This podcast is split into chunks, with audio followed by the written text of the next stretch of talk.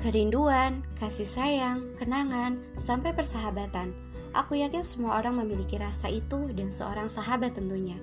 Bisa jadi sekarang kalian sedang dalam situasi friendzone atau sedang dalam situasi mengenang masa lalu bersama si dia.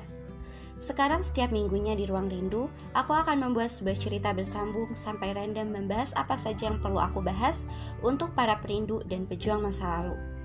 Dengan berbagi cerita dan pengalaman dengan kalian, siapa tahu kita memiliki hal yang sama dan tentunya rugi untuk kita lewatkan.